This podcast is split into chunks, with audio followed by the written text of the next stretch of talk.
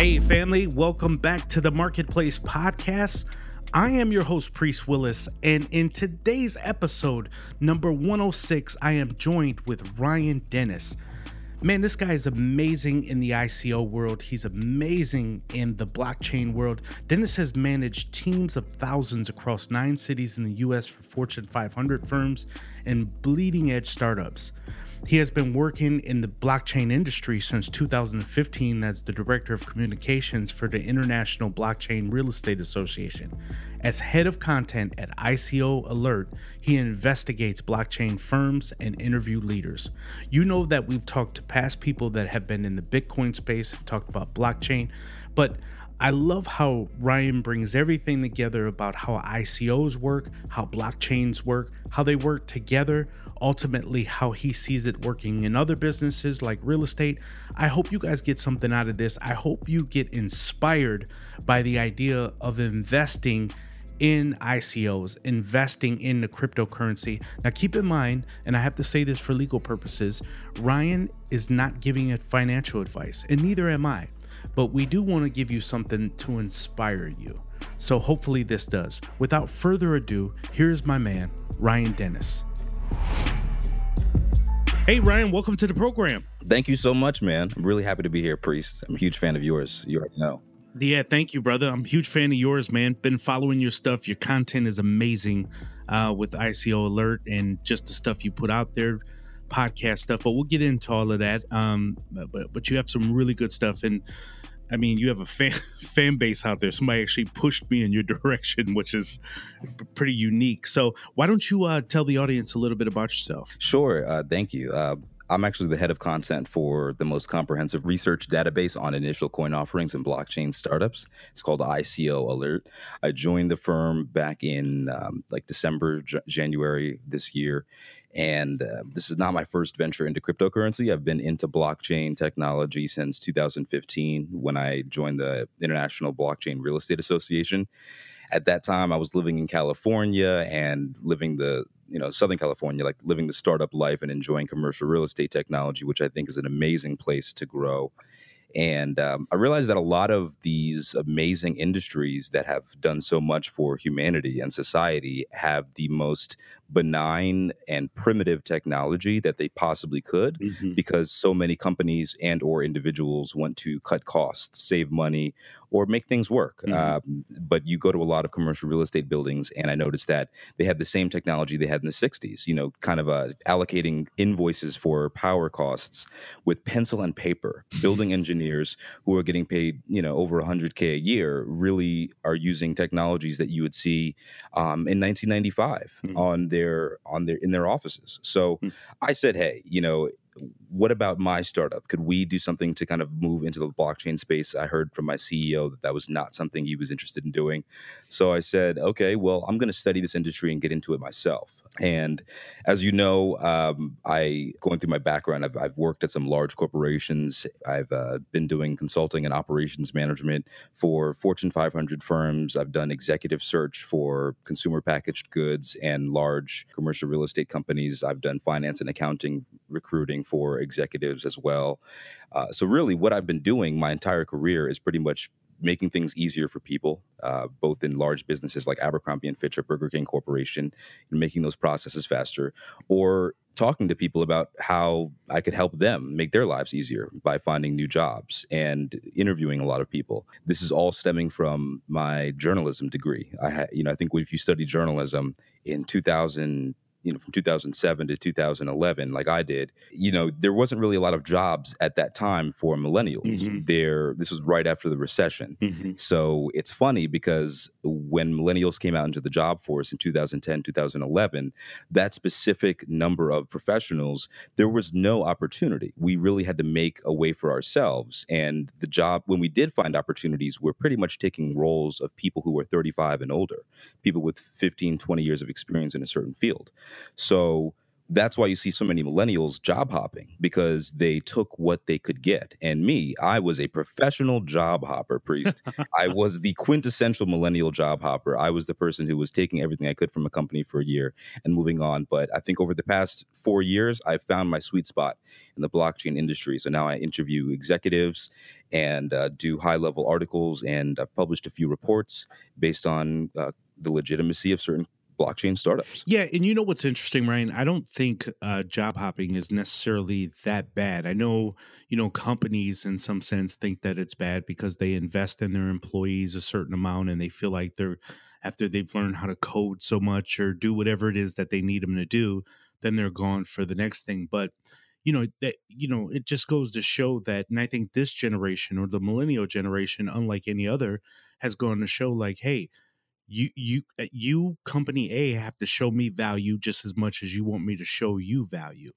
And you know there, there's something to be said for those that want to go out and find the jobs because you guys are looking you're just not job hopping to be job hopping you're actually looking for careers to solve problems and, and settle solutions and the day of getting being at a company for 25 years and getting a gold watch is over so it's just it's a fact of life so i can appreciate especially someone like yourself. And I, I have looked at your background, of course, and seeing some of the things you did. But just as you pointed out, there does seem to be something that says something about your career path. You were solving problems, you were working in businesses and making things better. You weren't just there getting a check just to bail, essentially.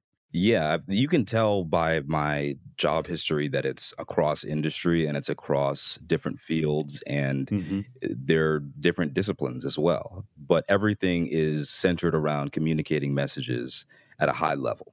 And I've always been a high level communicator because I was kind of forced into being one. It's not, you mm. know, I, I think every person has arrogance. Mm-hmm. And so I definitely try to watch my own arrogance um, every single day. But I'm confident about my ability to communicate messages because of several reasons. Number one, my father was a uh, you know a, an on and off salesman slash voice actor mm-hmm. who was relatively famous in the 90s when they couldn't get James Earl Jones, they would get my father. So my father, when he was yelling at me, he would actually, uh, you know, or when I was yelling at, you know, fighting with your dad or whatever, arguing, yeah, yeah, he would say, "Hey, there's a dangling modifier in your statement." So I want you to restep, you know, restart and and say what you have to say clearly and concisely. So imagine being during a argument. Yes, you...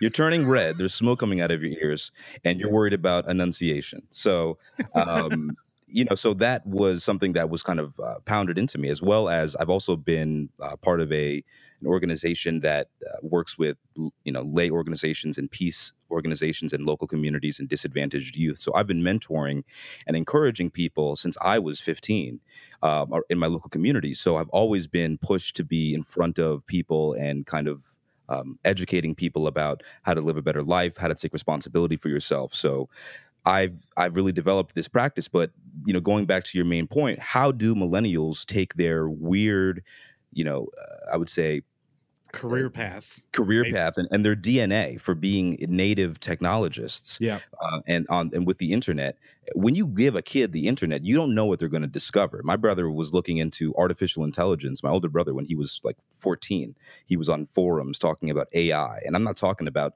machine learning ai i'm talking about actual ai and wow. and, and, and living forever and he's now a very successful developer he's worked with goldman sachs appnexus um, you know huge companies and he has always told me that you have to navigate the professional realm both as a you know somebody who's a, a technology person but also as somebody who is an african american so mm.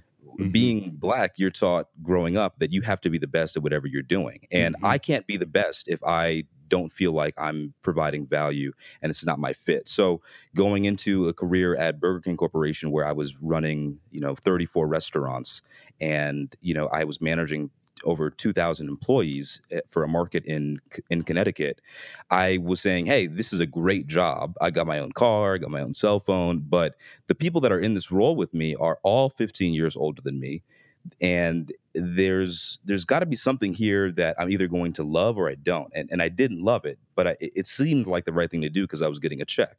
So I realized the best part about my job was going into these restaurants and saying, hey, your POS system is down, or hey, the training videos are not working, and kind of troubleshooting those and saying, hey, what could we do to reach out with corporate and to mitigate these issues and to operationally find a solution? Mm. And what I realized across my research and, and my career is that blockchain is something that is going to really revolutionize our business world. And so now I'm in an opportunity where I can, I'm not going to be bored working in one industry. I'm not going to have my attention kind of go away. I'm going to be able to see and be exposed to everything because blockchain touches every industry the same way accounting does, because blockchain really is a truth teller from an accounting perspective that fits into any business. Yeah, that's really good. And that's something that I kind of want to get into because We've had others on the show that have talked about cryptocurrency and the different coins and maybe some investment strategies, but we've never gotten into the nitty gritty behind ICOs and the blockchain itself. And again, you know, somebody really did champion you and say, this guy knows his stuff and you really should be talking to him. So, of course you're here to, to kind of share that with the audience so let, let's first start off here so what's an ico an ico is an initial coin offering so i would say you should mirror it off of an initial public offering you know an ipo right. on the stock exchange right. right so i always use the example like when Facebook decided to go public and become a publicly traded company. They already had a lot of users, they already had a working product, they were already virally, you know, intergalactically famous. And yet they you know in order to kind of get to the next level they wanted to raise some more capital and do some different things to buy some more companies and make moves. And so what they did was they went public so that people could buy their shares.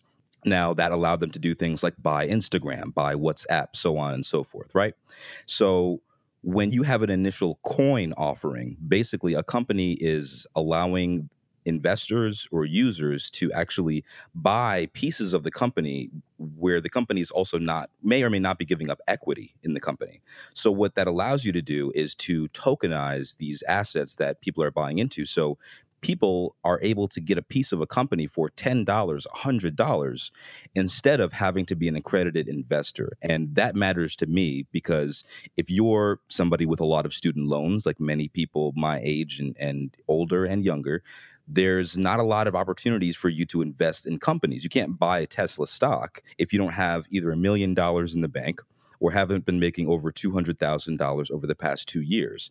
I don't know many people, you know, in their 20s who have that kind of capital. And if they do, they are certainly not using it to you know invest in a, in just one company or another but they're trying to mm-hmm. do buy a house or do some things to set up themselves on a basic level so investing is something that is actually not just for the elite but it's also for it's also a pretty ageist process too what ICOs allow people to do is to invest in companies and it lowers the barrier of entry so that individuals can become their own venture capitalists.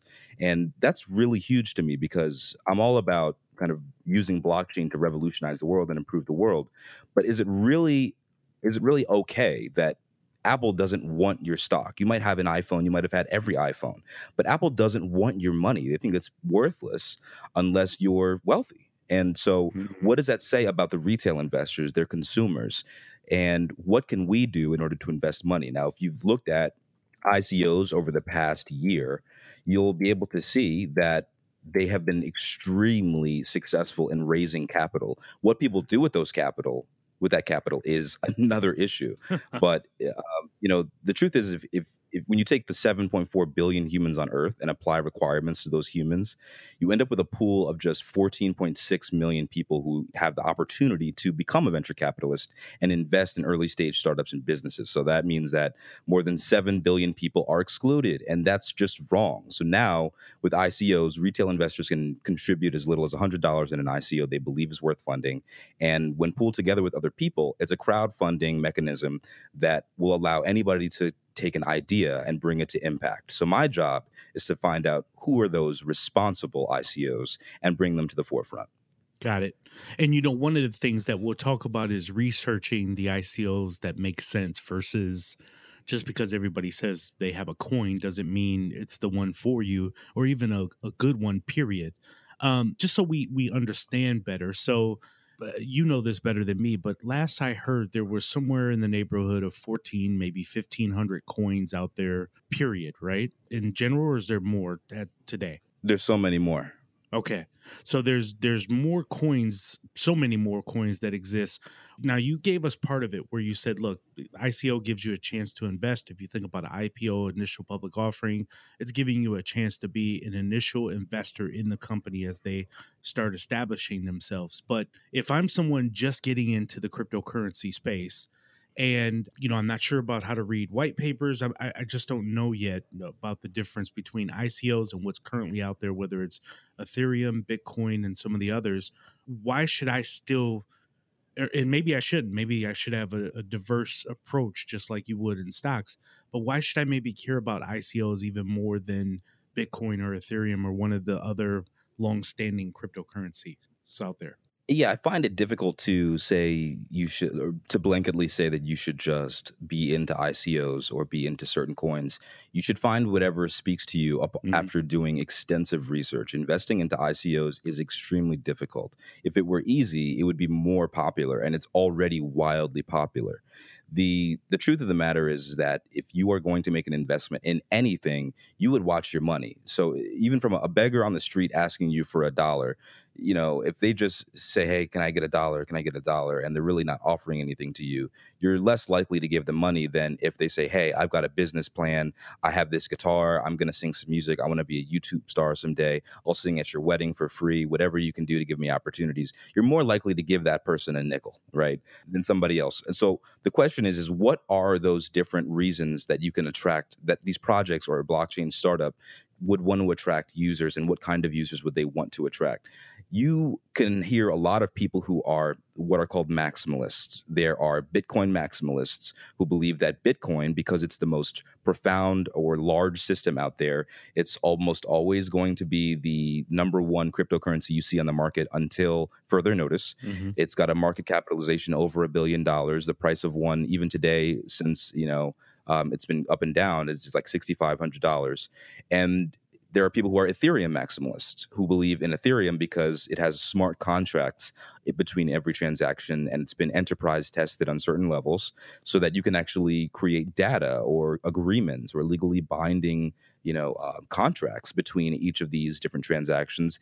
And listen, if you find another coin that you hear about and your friend is like, hey, this is the next Bitcoin, this is the next Ethereum, you have to have a level of investment research protocol that you're going to follow before you make any investment.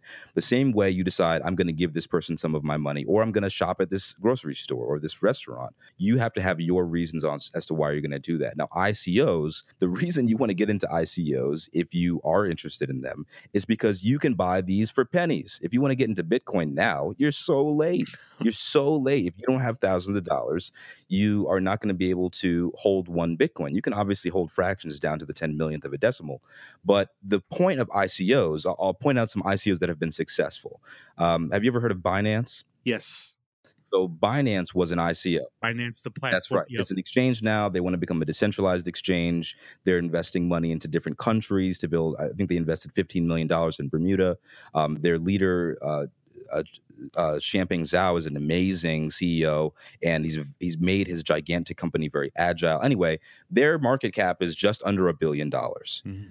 BNB, which is their coin, Binance coin, was an ICO. So you could have bought last year uh, some BNB coin, maybe hundreds or thousands for uh, you know pennies on a dozen dollars. Yeah, yeah.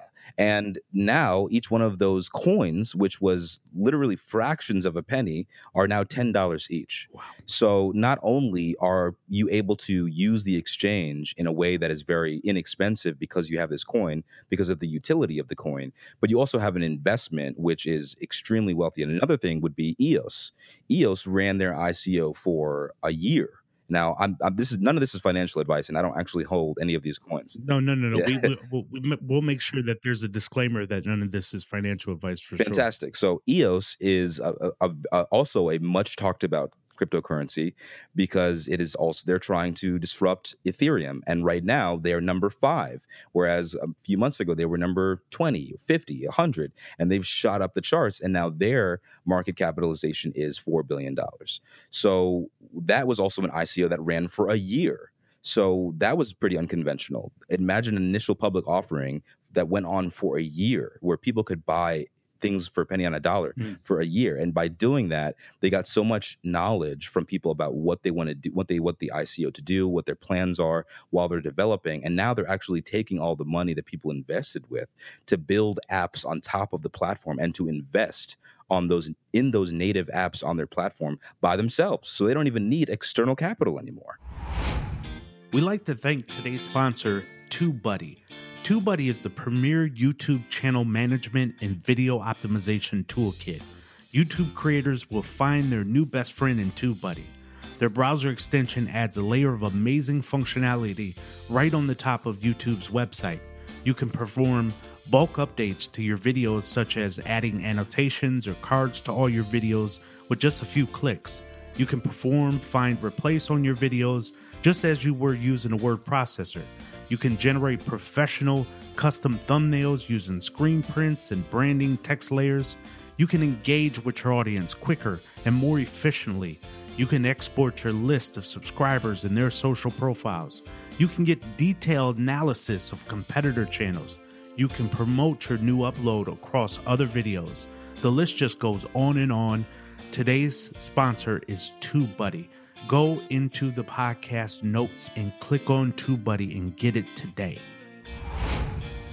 Yeah, and to put this in the perspective, because you use the stock market, which I think is a great parallel to what people do in terms of investing in cryptocurrency and what they do on the blockchain in general, um, which we're going to talk about. I want to get into the you know blockchain and real estate with you in a bit. I just want to set the table here with ICOs and make sure people have a clear understanding. But when you you used uh, Bitcoin, for example, which is at 6,500, let's just say right now, and it'll probably go up and down, you know, just by a bit, but you know, in the next few days, right? You'll see it up, you'll see it down by a little bit.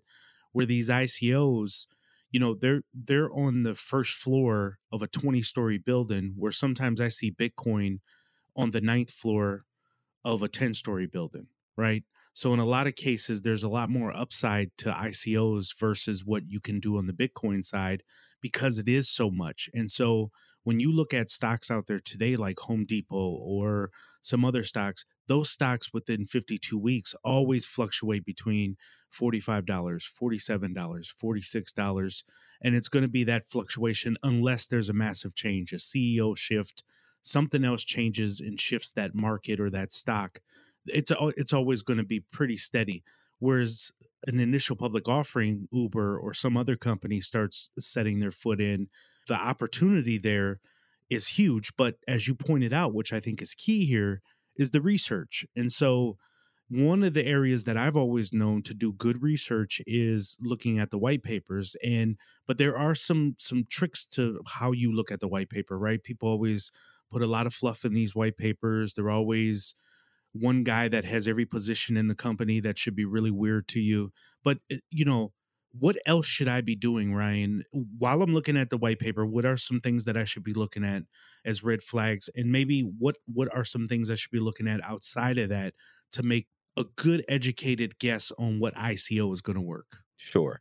This is what we do every day. This every single member on my team, I think we have about 15 people here in the office that and every, no matter what our form or function, we all vet ICOs and investigate every level of what they do. Mm. The first thing you could point out, sure, is a white paper. One of the things that you should be looking out for in a white paper is that it's written well and it's easy to understand and it's it's easy to understand the purpose of the entire platform. If you're reading a white paper and you can't understand any of it, that's not good because that means it may just be a developer, it could be a blockchain developer who doesn't have the wherewithal or the communication skills to explain it to you, mm. which you should not be a, a rocket scientist to understand an, any ICO white paper. And if it's poor, if it's well written, but you really don't understand the purpose, that's also a red flag. Why are they not pinpointing a specific purpose? The best white paper people would say has been out there or to set, or the least the flag bearer for white papers is the Bitcoin white paper written by Satoshi Nakamoto, whoever he, she, they are. and when that was written, it was a nine page paper and it really kind of hounded on double spend by banks and all the things that the banking industry was doing wrong. And this is at the time when the United States was suffering from a gigantic recession based on banking um, fraud. So when I see white papers, if they're not concise, if they're 30 pa- pages and the first 10 pages are just talking about blockchain as an industry, then it's probably trash. The next thing would definitely be the team. Is the team legitimate? Does the team have sector knowledge? If you're going to run a blockchain company that is based in the healthcare industry and you want to disrupt the healthcare industry, you better have some people from UPMC or Kaiser Permanente or uh, uh, or the Children's Hospital of California, some expertise, maybe maybe some sector experts or thought leaders or doctors or people that have written medical papers to understand mm. the knowledge needed to run a company on healthcare. People think that mm-hmm. just because it's you're blockchaining something, you're going to disrupt it. You're wrong. If you need to understand every facet of these companies, if you don't understand sports, you can't run a sports organization, blockchain or not. So the other part about the team is your ability to contact the team cool thing about ICOs in the cryptocurrency industry is everybody or one of these companies has got to have some channel where they communicate with their network because you want to create a currency currency means you need people to trade it right? You need different people to give it and and pay for things with it. You're building a community you're building a network not just a company it's decentralized. So you want to have an open line of communication. Does that line of communication exist? In cryptocurrency, a lot of companies have Telegram or they have a bitcointalk.org account or they use Reddit. Perhaps they have a Medium, you know, presence and using LinkedIn, Twitter, whatever they have to communicate with people. If you cannot reach the team and get your questions about whether or not you want to invest answered, that is a huge red flag, which means they're not listening to the community, which means even if you do invest, you may have very little say in the future of the of the project as an investor, which is scary. Mm-hmm. The next thing you should really look at is false promises. So, to garner hype, a lot of entrepreneurs will promise to do it all rather than realistically focus on solving one problem. They use words like comprehensive or ecosystem or the first decentralized marketplace. It's an end to end solution, and they throw everything in their white paper. But if you overpromise, then and you fail, then not only are you failing the investors, but you're failing the company, and that capital all goes to waste. Now, you and I both know that running a company is difficult. So when people point to ICOs and say a lot of them are illegitimate or they're scams, a lot of times what people don't understand is that these are companies. You're not just running a, you're running a company. It's not something that you can promise is going to be successful. Mm-hmm. A lot of successful entrepreneurs have started several ventures before they even turned a profit on one venture. So think about the team, the quality, the ability to communicate with them, and furthermore, do they have the expertise to run this kind of project? Because if not, run. Mm-hmm. Good advice. Very good advice. So I I went through all those steps. I found out, you know what, based on what Ryan said, although this isn't financial advice, but based on what Ryan said, I think I followed most of it, and I think I'm ready to purchase. A lot of these ICOs kind of defer to you making some kind of payment via Litecoin, Ethereum, or Bitcoin, correct? So that's why you want to at least make some small initial investments in those coins. Is that fair? It makes sense that these coins would want to have payments in cryptocurrency because they work in the cryptocurrency industry. So it would make sense to try to facilitate some sort of environment where cryptocurrency becomes a norm because that also illuminates the, the potential of their you know particular coin becoming utilized the same way in the future. So I think that they're trying to garner that kind of culture. That makes sense. That does make sense. They're kind of trying to support where they're where they're going to eat at essentially. Right. So we've talked about ICO. We understand that ICO is more or less you investing in companies, companies finding other avenues to raise capital for their business. And one way of doing that is through blockchain, through cryptocurrency but we've talked about blockchain. What is blockchain ryan? How does that how does that correlate with ico how do the two worlds come together? Can you explain that a little bit to the audience? Sure. A blockchain is a digital ledger just like your accounting ledger or your bank statements,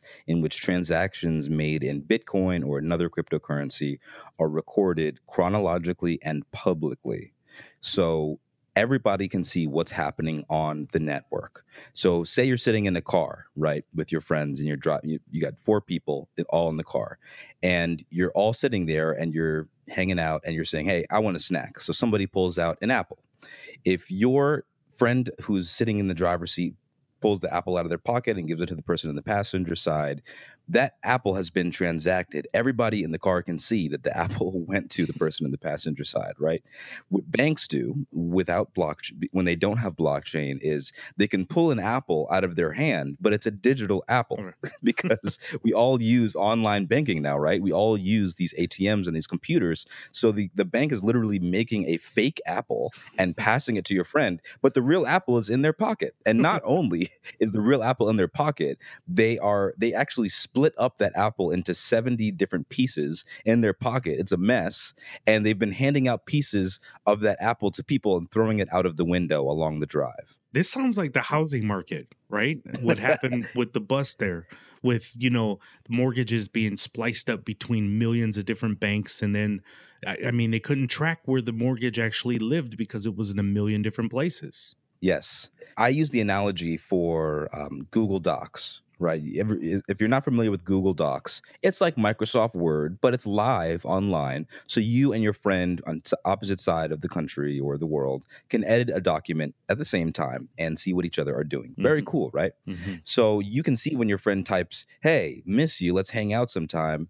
let's make a let's set a travel itinerary so we can hang out where are you going to be in the next few months and you can respond and the like with the housing market and with the banking organizations like like as we discussed that created this recession bitcoin was born out of that. Mm-hmm. the whole point of bitcoin is no one is going to be able to edit my bank statements or my google doc of, of where my money is without me knowing about it. Mm-hmm. that's the whole point. The whole point is we need to stop being lied to. And for people who do not understand blockchain or bitcoin i get it. It's complicated stuff. But you will not be able to understand it until you realize that money is not real. Mm-hmm. Money it does not exist. It is a unit of measure for value that we are all still philosophically discovering as human beings what that means. For years we've transacted things, we've transacted labor, we've transacted our time, we've contracted our out our intellectual capacity.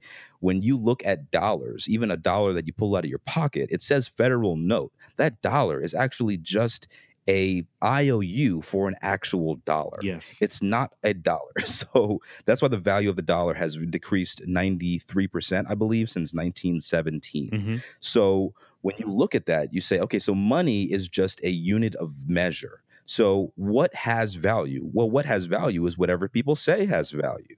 So you have to think about why is Bitcoin which was born in 2008 went from fractions of a pennies to $6,500 today.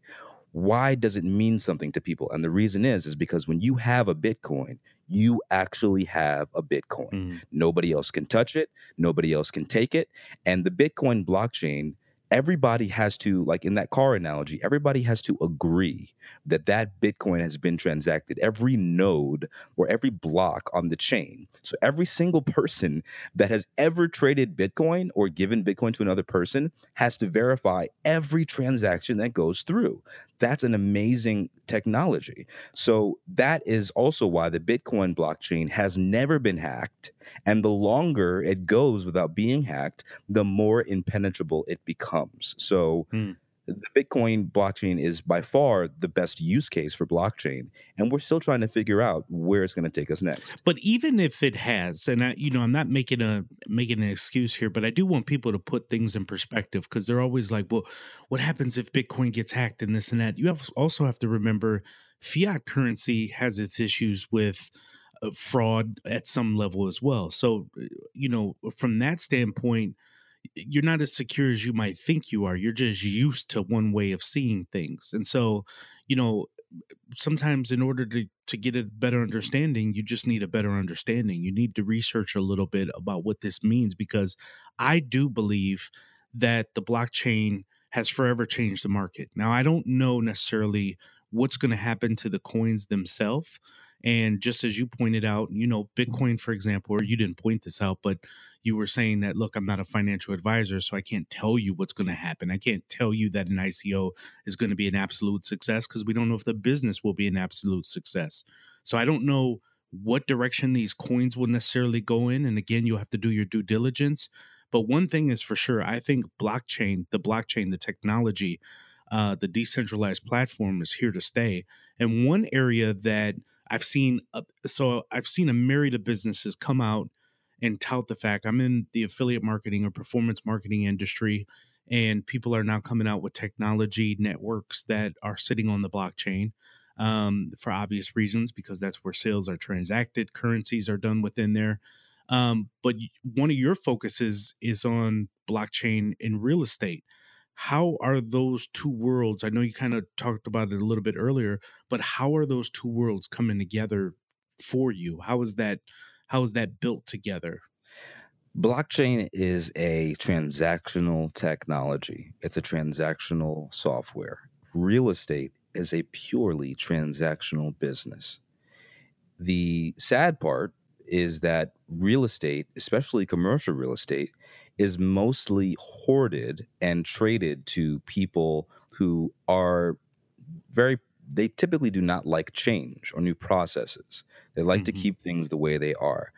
I'm saying this as somebody who did high level sales with the top commercial real estate companies in the world and selling technology to these people that they needed not that they should want but literally they needed and they not only did not want to change you know their their business practices their buddies didn't want to either. So there was no network pressure to grow. There's very little. So the way that real estate typically has been working since you know the beginning of time is you own property and you pass it down to your sons or daughters or family or whatever the case may be, or you keep your business going. Mm-hmm. And then somewhere along the line, people said, hey, if I don't give this to my child or pass it to the next generation, I can just sell it and it's worth a lot of money and I can do other things with that money. I can even buy two houses and then make money there, right? So that has happened, you know, obviously at an exponential level now where people buy buildings for or property for maybe five years and sell it so, in those five years, you're not concerned with turning it into the best property ever made. You're concerned with maintaining it and keeping it the way it is and make and letting it move forward. That actually lowers the value of real estate itself because now you have all of these properties all over the world that people are just maintaining instead of revolutionizing. A good example is if you look at roads on the street a lot of states they don't have a lot of extra capital for allocated towards you know fixing the potholes. Like here in pittsburgh they're always fixing the bridges and everything like that. So they're just maintained. But there's not enough capital to or not enough want to for people to say let's just you know put some sort of metaphysical product or graphene or something in the street so that it never happens again. Mm-hmm. and there's not a lot of people clamoring for that. But the, the funny thing the ironic part is with commercial real estate it is like that. You have people who work in these buildings who say everything is falling apart. There's always construction. I can't get my my work done. Uh, the the heating does not work. The air conditioning does not work. You know, I'm locked out of my building at weird times. The security is not really up to par. There are people literally hammering and clamoring for change, and yet commercial real estate owners are more concerned about keeping things the way they are and passing it off. So the the only hope is that property managers, the people that work with these tenants, are going to wise up and change these buildings, and that's why you see companies like WeWork that are re, re, that are mm-hmm. revolutionizing mm-hmm. the entire industry. Yes, because they are improving real estate, beautifying it, and putting butts in the seats so that people should be using it well. So I think that a lot of people need to look at real estate and say, "Hey, this is a business or an industry that's rooted in owning something." In owning an estate. And Bitcoin and blockchain and the like cryptocurrencies, it's all about owning something. And what does that mean? What can we put those together? There are more, you know, pairings than than there are downsides. If we can find a way to make them work, then we then it'll be fantastic. Yet imagine imagine a world where you could rent a home for what it was worth instead of what the prices of everything around the neighborhood were there are many systems in cryptocurrency and blockchain where bidding systems are automated, where you actually get mathematically fair prices instead of prices that are decided by large centralized groups of real estate owners. And that also has huge effects on um, discrimination against people of different races or different, you know. Good point. Right. So these things, uh, it, it reaches out more than just making money in business. It has all of this stuff, especially blockchain, it all is rooted in humanity. And what is the humanistic value of the way we do business? Why do we take advantage of our property, our assets, and the people around us for a gain that we don't even appreciate? Wow, that's that's a really good point because I I agree with you. I think real estate has become you know, or at least how real estate is managed, tracked, so forth and so on. The the the, the model behind it is antiquated, to say the least. And I certainly believe that blockchain is one of those vehicles that real estate can probably benefit from the most. And there are other ones too, technology, legacy technology that's been built that is now shifting over. And again, I think that the fears that we hear about blockchain are largely coming from people that essentially don't like change in whatever sector it is.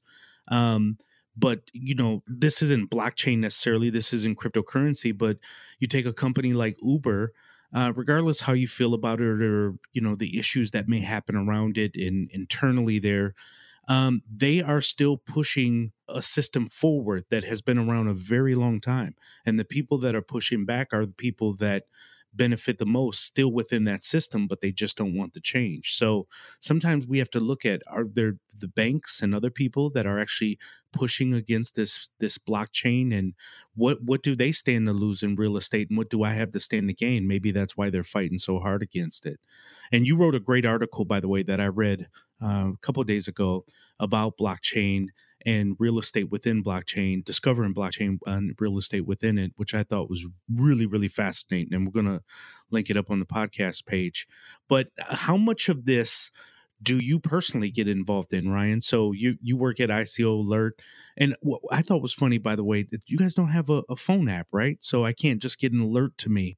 Your ICO Alert, I can't necessarily get an alert to me when there's a really cool ICO out, right? You guys don't have an app yet? Yeah, the re- the lack of an app is is primarily because there was a company that was using our brand illegally, and they've since changed their app store. Uh, and so we wanted to kind of refrain from even being a presence there until we could get it all together and really illuminate all the differences. But what I'm really doing, to be honest with you, is creating a hedge or um, creating two different factions and placing people in, in one of two different parties. The first party is companies and professionals, entrepreneurs who want to just make money people who just want to make money, I want that to be obvious. When I interview people, when I write articles, when I do reports, when I speak about the industry, for some reason, blockchain splits people up into mm-hmm. one of two parties. Those, first of all, that just want to make money mm-hmm. and take advantage of others and grow capital. And the second part are people who want to create value and want to have a value creation community. And I'm all about the latter, creating a value creation society. So, yeah, a lot of ICO tokens will have a sales pitch saying that they're creating a token for their company to build community participation. Yet sometimes they mean they just want to raise money. And there are people who say our token is not a security because it's an app token. It's, it's just a token on our app. But really, it's an unregistered security. So that's what we're seeing in the United States because they're saying, hey, if you use this token, a lot more people are going to use it and you're going to make money off of it. Well, if you say you're, you're going to make, if you tell people you're going to make money off of something in the United States, actually, you're saying it's a security, even if it's a, a lemonade, a glass of lemonade at a lemonade stand. Mm. You cannot say anything is going to make people money un- unless it's a security registered with the SEC. Mm-hmm. So I want to really show and let every every per, other person in this industry be able to fish. I want to teach people to fish and see what is wrong with the industry. For some reason, blockchain is so cool that people just want to monetize it or they want to create that value. The seriousness of this cannot be understated because we're talking about people's money. This is what people use to live and can be used to build a hospital or it can be used to build a prison or it can be used to build, you know, a chemical that can hurt other people. or a company that really just is a fraud or a scam. And these things are really important, especially when people are getting excited about cryptocurrency and blockchain. They don't know where to look. They're novices and they, they're really excited about the fact that there's a new financial system and maybe they can get ahead of it because they were really late on understanding our finance system today. So at ICO Alert, our entire goal is to be a free research platform and discovery platform for people to see what is real and what is not. So if you follow one of our reports and you look at all the things that we talk about and you cannot pinpoint all the research aspects or, or, there's a lot of red flags when comparing this report that we've done with your own research on a token that you're interested in you should be concerned about that because we do this every day and we're giving you the cheat codes. That's amazing. How do you guys monetize that ico alert? And then separately you personally and directly how much of your own cooking do you eat? So how much are you, you kind of in the investment game on the back end? So i guess that's a two part question yeah, I don't invest in ICOs because that's insider trading. We're located here in the United States, and that's illegal. Oh, so, you, so so even though it's not it's not under SEC regulations, you still cannot invest in ICOs for that because you are part of ICO Alert?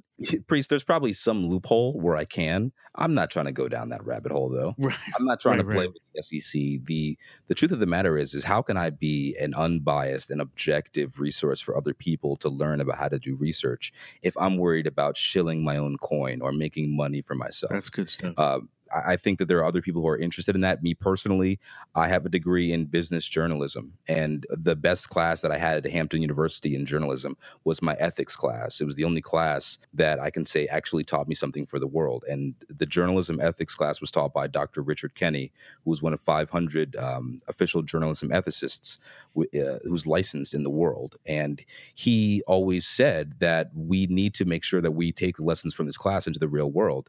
And if you look at ethics, a lot of times um, everything that we do is emotional. Mm-hmm. And a lot of people say, "Oh, I don't emotionally trade."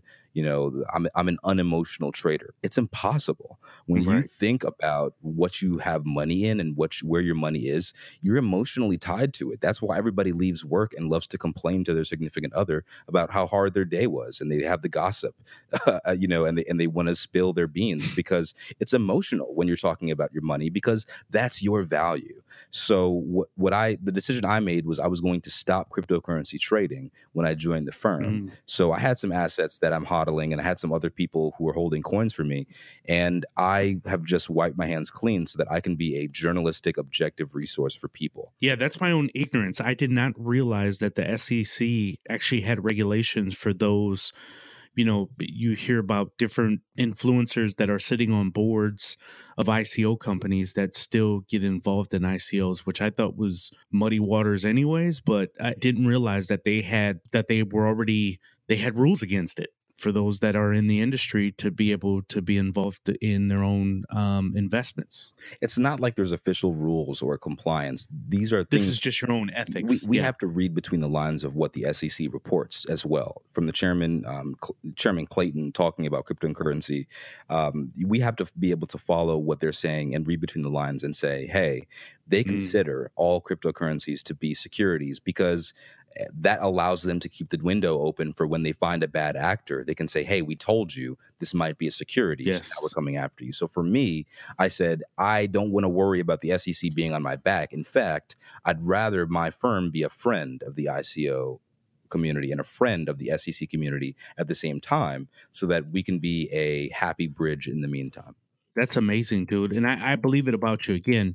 Uh, you know, uh, from your writings and just having this conversation with you here, and you know, obviously, I've kind of poked into your other stuff. It's very clear that you're serious about the industry. You're serious about your craft, and above all, that your integrity stays intact. And I really respect that about you. Now, in regards to ICO, which sometimes when you go to ICOalert.com, um, it really is just it, it's it doesn't have tons of bells and whistles. It's really intuitive, which I really like, um, for, uh, particularly for those that made it's already confusing about what does an ICO mean, what does blockchain mean, are they the same, how many cryptocurrencies, who should I go with? This is very clear about what they're all. You guys are very clear about what you're offering, what you're meant to do but how do you guys monetize um, so you're not making money because it's free to me and you're just kind of serving me up, you know, opportunities. But how do you guys make money as a business? That's a great question. The truth of the matter is, we actually make money because we have become a stamp of approval for trust in the ICO community. It's if you look around all the ICO listing sites across the internet, mm-hmm. you try to find every calendar, research database for ICOs, and you actually ask ICO investors which brands they trust, they're going to say ICO Alert. ICO Alert will be in that list, if not the only one that they trust. The reason they trust us is because we are not here to make money. We're here to provide value. And that's why we have the user base and the brand that we have. So when people come to us and they read our content or they use our con- consultation um, device, you know, maybe it's our podcast, maybe it's the reports that we make, they're getting objective information. So there is no financial advice. There is no opinion. There's only analysis of what's readily available on the internet. So when a company comes to us and says, "Hey, we have an ICO, we want to point everybody too in your community, your amazing, you know, niche group of investors and marketers and researchers, how can we get listed on your site?" We list every ICO for free. But the thing is, if somebody wants to be highlighted or they want to have any sort of you know, if they want us to hold them in any high regard or to do a report on them or to have them interviewed, we put them through an extensive secondary tier of investigation where we actually pit 10 questions on them that they have no idea what's going to be coming and they have to answer all of the questions and it has to be in public and that is the only way they can put their information out there. So they will actually say hey can we pay you for this kind of analysis? Now that analysis again it's completely objective. It's about where this company is in their process where they are in their roadmap what's in the white paper how to invest in the how to participate, I guess, in the process of the ICO or the token sale. And furthermore, if they want to have some sort of, you know, they just want to highlight a date about when their their ICO is occurring, none of that is financial advice. Now, every single other listing site that I have seen on the market priest that might call themselves an ICO research database platform, almost all of them have what are called ratings. Now, that means that they do not have a brand of trust. They need to use other people to rate projects and use their brand in order to create trust for what they think of the project. Now, that's a really bad practice mm-hmm. when you're talking about ratings because we have had a couple of our competitors, we call them competitors, even though we really don't have any com- competition because we're the only free to list site and we're the only comprehensive site and we're probably the oldest ICO research site. But just you guys being humble. That's yeah, all that just being humble. Um, but these companies, what they do is they actually let people buy their own status as experts with Bitcoin. So if you have wow. five Bitcoin, if you have 10 Bitcoin, you pay this platform to become an expert. And then all of a sudden, you are like in the 1% where you can rate other ICOs. And those ratings live and are permanently stamped to those ICOs. Now, here's the real problem, even though that's already a problem that means that if you are running an ICO priest, you start priest coin, you could literally go on five different sites, pay these sites to become a reviewer, and review your own coin across the internet. Oh, everywhere I look, Priest Coin has five out of five stars, 10 out of 10, 9.9 out of 10. It's like, what the heck? And all these ratings, it could say Nikolai Volushkalev or, you know, Kristen Kirsten Dunst as a reviewer, but really it's you. And there's no way for anybody to know that. And so that's why we don't do any subjective research. We don't do any ratings, and we never will do anything to buy novice investors. And that is the difference between providing value and making money. So the way we make money is people ask us for our stamp of approval because they know we do it the right way. Love it. Man, you you guys got to check this out icoalert.com. Also go go check out um Uh, you know Ryan's articles. I'll make sure to post them up. He has some really good ones about real estate. He writes as well as he talks. So this is this is really good stuff. If this is something you want to get in, into, so Ryan, tell us how people can reach out to you. What you know, feel free to share your Twitter or anything you'd like. If people want to find out more about you, find out more about ICO Alert, how can they reach those touch points? Well, my handle everywhere is Ryan Dennis Live. I do my podcast like we're doing, just live. And tell us about the podcast real quick. That's corporate to crypto. That's right, corporate to crypto. I I want to tell the story about people who have been at amazing organizations like Lenovo. I actually own three Lenovo nice, computers. my man, and my man. who have made that jump from being interested in the corporate world to joining cryptocurrency and why and what that means for that industry as well as them as an individual. And typically, these stories are remarkable for why people join the industry and how well, mm-hmm. much better they're doing now. Um, it's almost like a virus that is spreading when you get into cryptocurrency, uh, but a good virus. And the podcast really highlights um, people from different industries, from social impact, working with social policy or self care or people who are institutional investment experts, all the way to lobbyists in Washington, D.C., as well as universities. I, I interviewed um, Dr. Paul Harper from the Katz School of Katz Graduate School of Business at University of Pittsburgh, Very and nice. he talked about how he has students traveling the world. They're going to go to different ICO businesses across the world and make business cases for whether or not companies should do ICOs. This is amazing stuff. So these stories are not being told because typically people from in crypto want to hear from crypto people, but I want to bridge that gap for everybody. And yeah, I'm Ryan Dennis Live on Twitter and LinkedIn. I love it. So they can find you out on iTunes if they want to find out more. They can find you out on ICO Alert in terms of the podcast itself. Um, Ryan Dennis Live if they want to find you on Twitter. Yeah. Anything else you want to share? Yeah, our podcast is actually on iTunes, and we were just rated as one of the top 100 influencers in blockchain as Congrats. for our podcast. So we have about five different shows, and we've interviewed uh, some of the top companies in the world. And if you don't know a lot about ICO listing sites or ICOs, reach out to me at Ryan Dennis Live on Twitter and or you know subscribe to the the podcast and start listening to some of the old episodes and you're going to get really good information because everybody on our team wants to bridge that gap. We want to make it easily understandable for people to talk about cryptocurrency and blockchain. And i would say in general i'm going to be doing a few speaking events over the next few months. So um, i'll keep you guys posted on my linkedin. I always post a lot on linkedin maybe too much. And um, as always like subscribe to our, our podcast as well but definitely keep subscribing to priest stuff because your stuff is amazing and the work that you're doing is really important. And I just appreciate you putting crypto on the map here as uh, as well as with the other amazing professionals you've had on here. Thank you, man. That means a lot. It really does. You're, you're extremely professional. I love what you guys are doing, and um, I'm, I'm so happy we had the chance to talk and that we've been connected. We'll be united for as far as I can see down the road. So thank you so much for being a part of the show, man. I really appreciate it appreciate you so much, man. Thank you for letting me touch your microphone. this is an amazing platform, and so to be able to talk to all these people is a lot of fun. And, and, you're a great host, and and you need to keep doing this for uh, as long as you're in business. Please keep bringing these stories here, and I, I appreciate the work you do every day.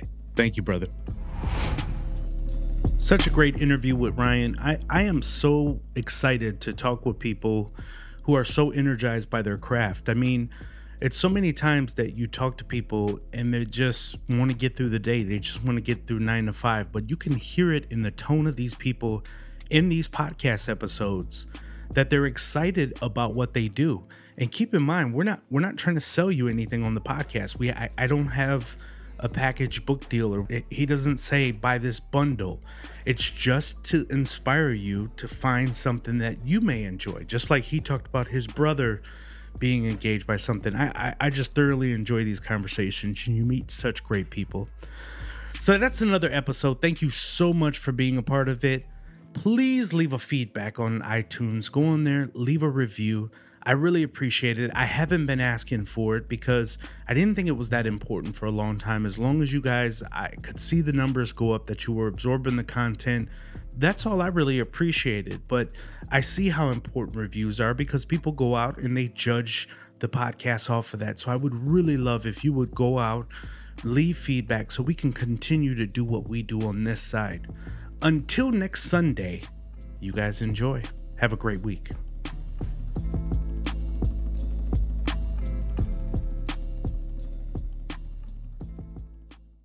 I'm the best ever. My style is impetuous. My defense is impregnable. And I'm just ferocious.